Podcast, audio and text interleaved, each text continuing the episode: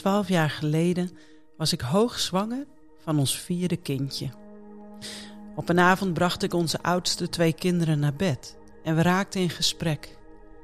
Mama, ik merk vaak niks van God. Nee, ik ook niet, vult de ander aan. Ze zijn er bijna verlegen mee om het hardop uit te spreken. Ik luister en probeer ruimte te creëren, zodat ze eerlijk kunnen vertellen. Tegelijk raakt het me. Ik zou zo graag zien dat ze God beter leren kennen, gewoon meer relatie. Het raakt me altijd als mensen zeggen dat ze weinig of niets van God merken. Raakt dat jou ook? Of misschien herken je je wel een beetje in de uitspraken van onze kinderen. En dan? Jezus roept ons op om te blijven vragen, te blijven zoeken en te blijven kloppen. En hij belooft, als we dat blijven doen, zullen we ontvangen, vinden en verder komen. Misschien mag het volgende getuigenis je hierin een beetje bemoedigen en aansporen. Na ons gesprek kom ik later op die avond stilletjes terug bij onze inmiddels slapende kinderen.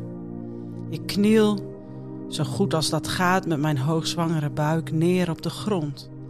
En ik bid Heer, laat ze toch merken dat u in hun leven bent. Een week later komt onze zoon bij ons.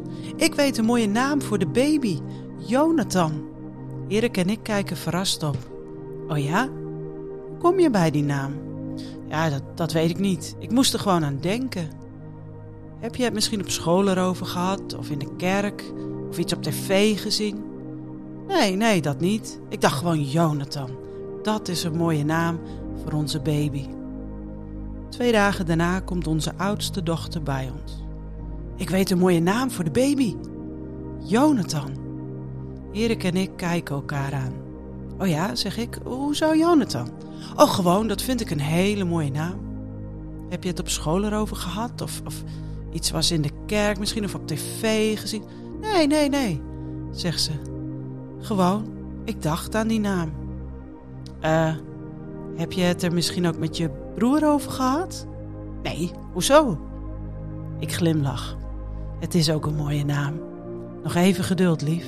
Het duurt nu vast niet lang meer.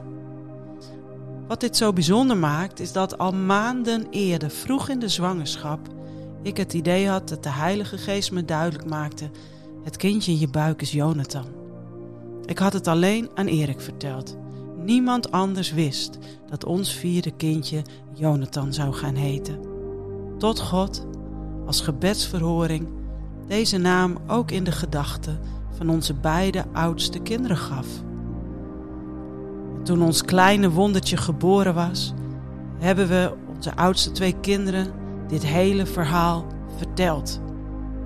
Ook al heb je het soms niet in de gaten, God is aanwezig in je leven. Blijf bidden. Blijf Hem opzoeken, zodat je steeds meer fijngevoelig mag zijn voor de fluisteringen van Hem.